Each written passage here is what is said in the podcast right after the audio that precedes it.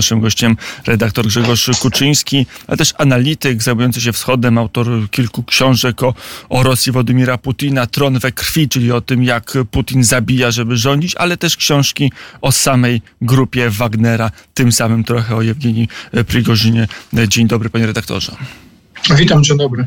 Pierwsze pytanie jeszcze zadałem panu przed anteną. Czy pan się spodziewał, że tak szybko Putin dopadnie Jewgenija Prigorzyna?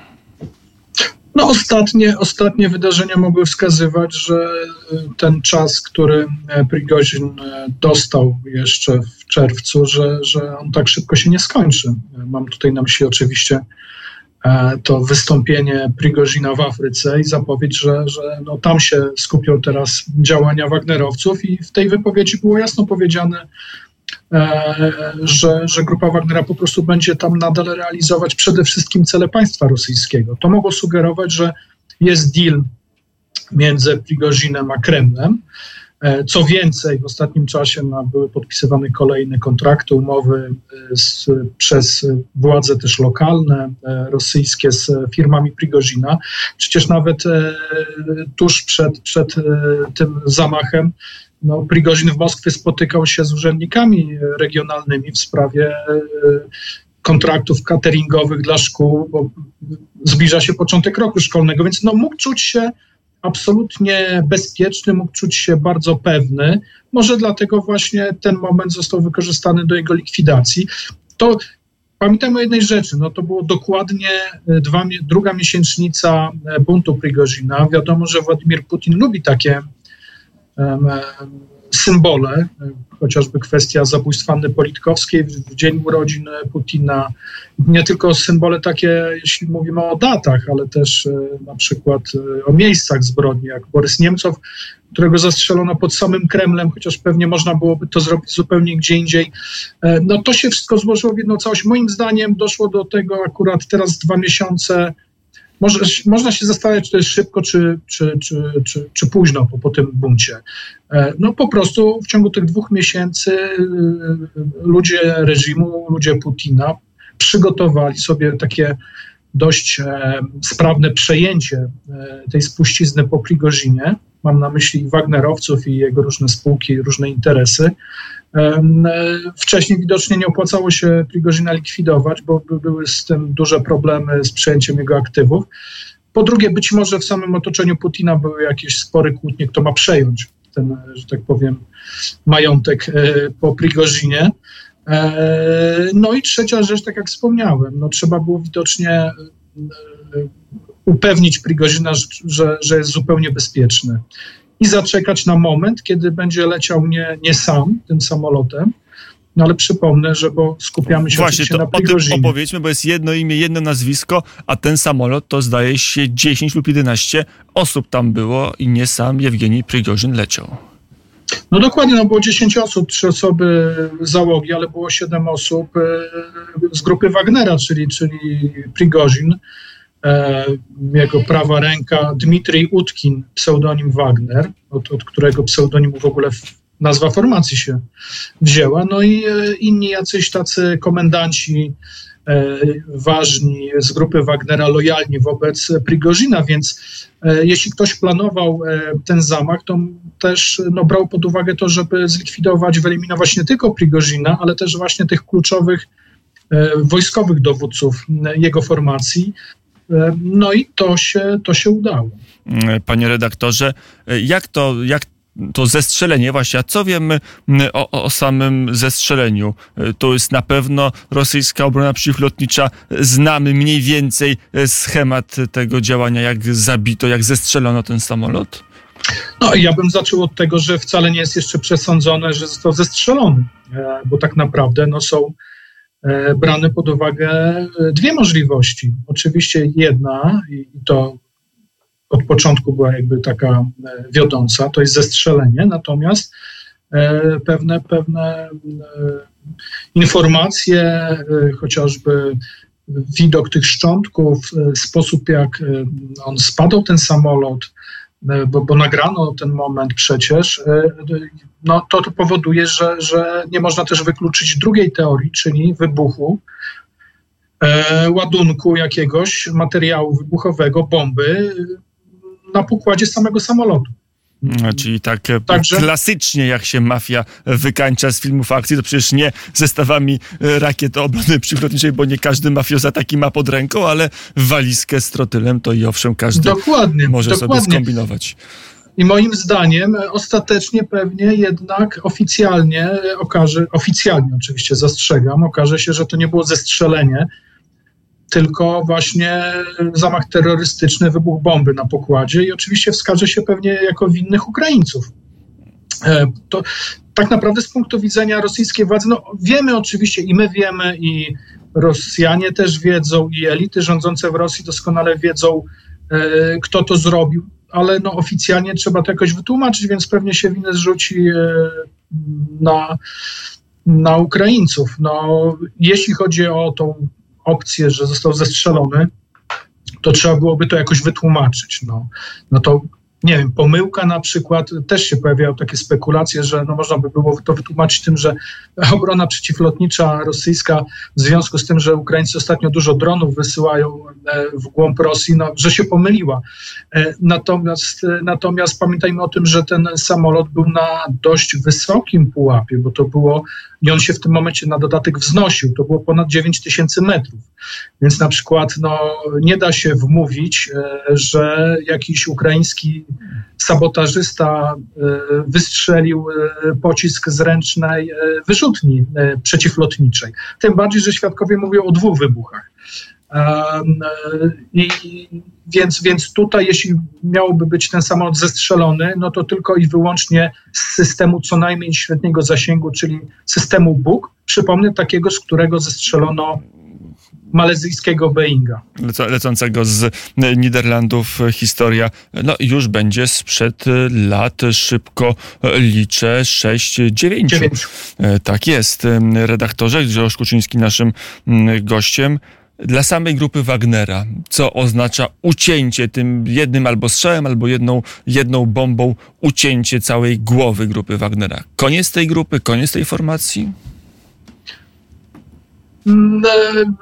E, Myślę, że koniec właśnie tej formacji pod tą nazwą, bo no, są dwa scenariusze. Jeden to jest rozparcelowanie tej grupy, co oznacza przejęcie części tych najemników przez e, inne e, najemnicze firmy rosyjskie. Przypomnę, że przecież Wagnerowcy to nie jest jedyna e, tak zwana PMC w Rosji. Są inne grupy najemnicze, także te podporządkowane resortowi obrony. I tutaj e, byłoby naturalnym, gdyby, gdyby tych najemników, przynajmniej część z nich, przejęły właśnie te grupy. No, część z nich może być wcielona po prostu do wojska, a część no, powie im się, że nie ma firmy, pieniędzy nie dostaniecie, wracajcie do domu.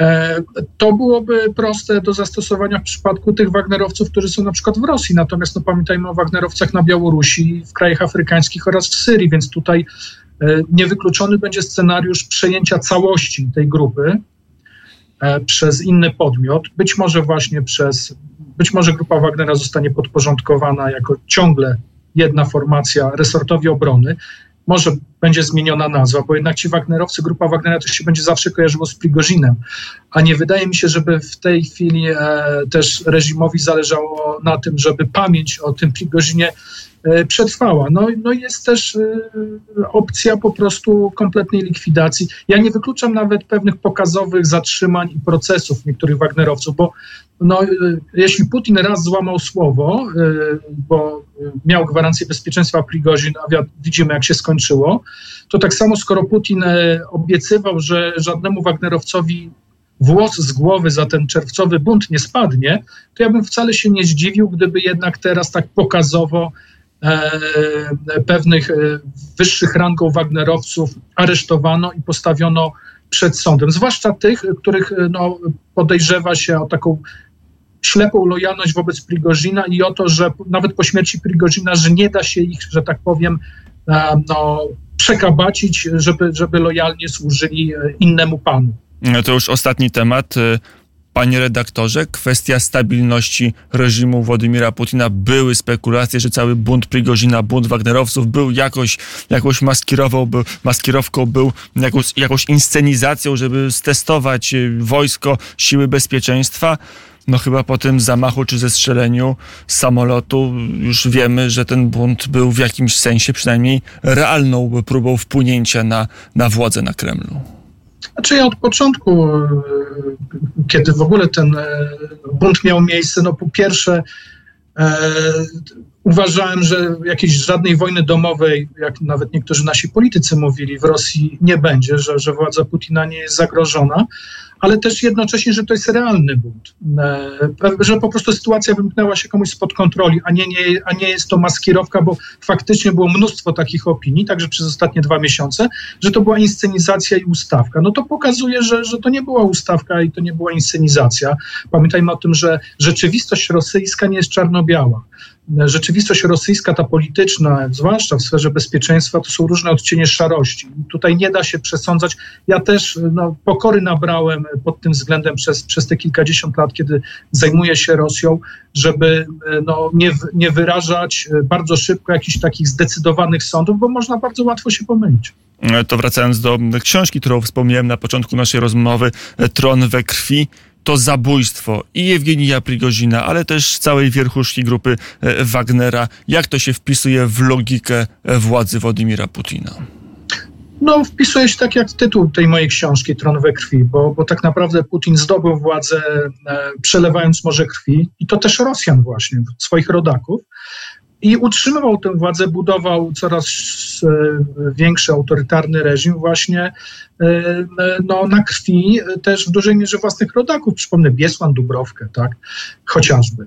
E, też pamiętajmy o tym, no, tu się przypomina sprawa chociażby generała E, Lwa Rochlina, którego zlikwidowali e, ludzie z FSB w czasach, gdy dyrektorem FSB był Władimir e, Putin. Zresztą było dużo takich przypadków, kiedy, kiedy ludzie, którzy mogli zagrozić władzę, oni w tego typu wypadkach ginęli. Więc no to jest, to jest, potwierdza śmierć Prigorzyna, sposób, w jaki go wyeliminowano. No, potwierdza to, że mamy do czynienia z bandyckim reżimem, który nawet w takich wewnętrznych porachunkach y, no, zachowuje się jak taki, jak mafia, jak gang. Po prostu jeśli ktoś e, narazi się szefowi, e, no jest w okrutny sposób e, eliminowany. To zabójstwo wzmocniło czy osłabiło władzę Władimira Putina? No, moim zdaniem wzmocniło. Ja widziałem oczywiście też takie komentarze, opinie, że osłabiło, że wręcz jakaś panika na Kremlu jest. No, jak mogło osłabić, jeśli tak naprawdę no, wszystko wskazuje na to, że, że y, zrobiono to, jeśli nie na rozkaz, to, to za wiedzą Władimira Putina.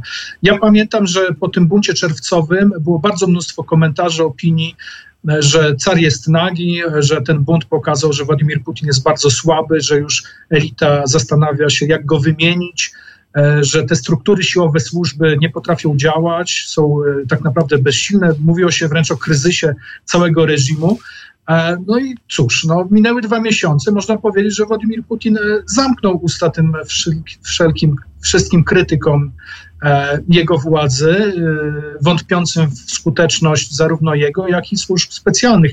Bo moim zdaniem, no tutaj, jeśli ktoś dokonał tego zamachu, jeśli mówimy konkretnie kto, no to jeśli to był faktycznie ładunek wybuchowy, to, to, to była FSB. Tutaj, jako ta służba, która jest tym głównym że tak powiem, strażnikiem e, reżimu Władimira Putina, najpotężniejszą instytucją siłową w Rosji. O tym nie zapominajmy. Nie generałowie, nie Szojgu, nie Gerasimow, nie GRU, ale właśnie FSB jest, e, e, że tak powiem, panią matką, jeśli chodzi o, o cały aparat bezpieczeństwa Federacji Rosyjskiej. Bo z niego też wywodzi się sam Putin, jak i też inni ważni ludzie, chociażby Patruszew, żeby daleko nie szukać.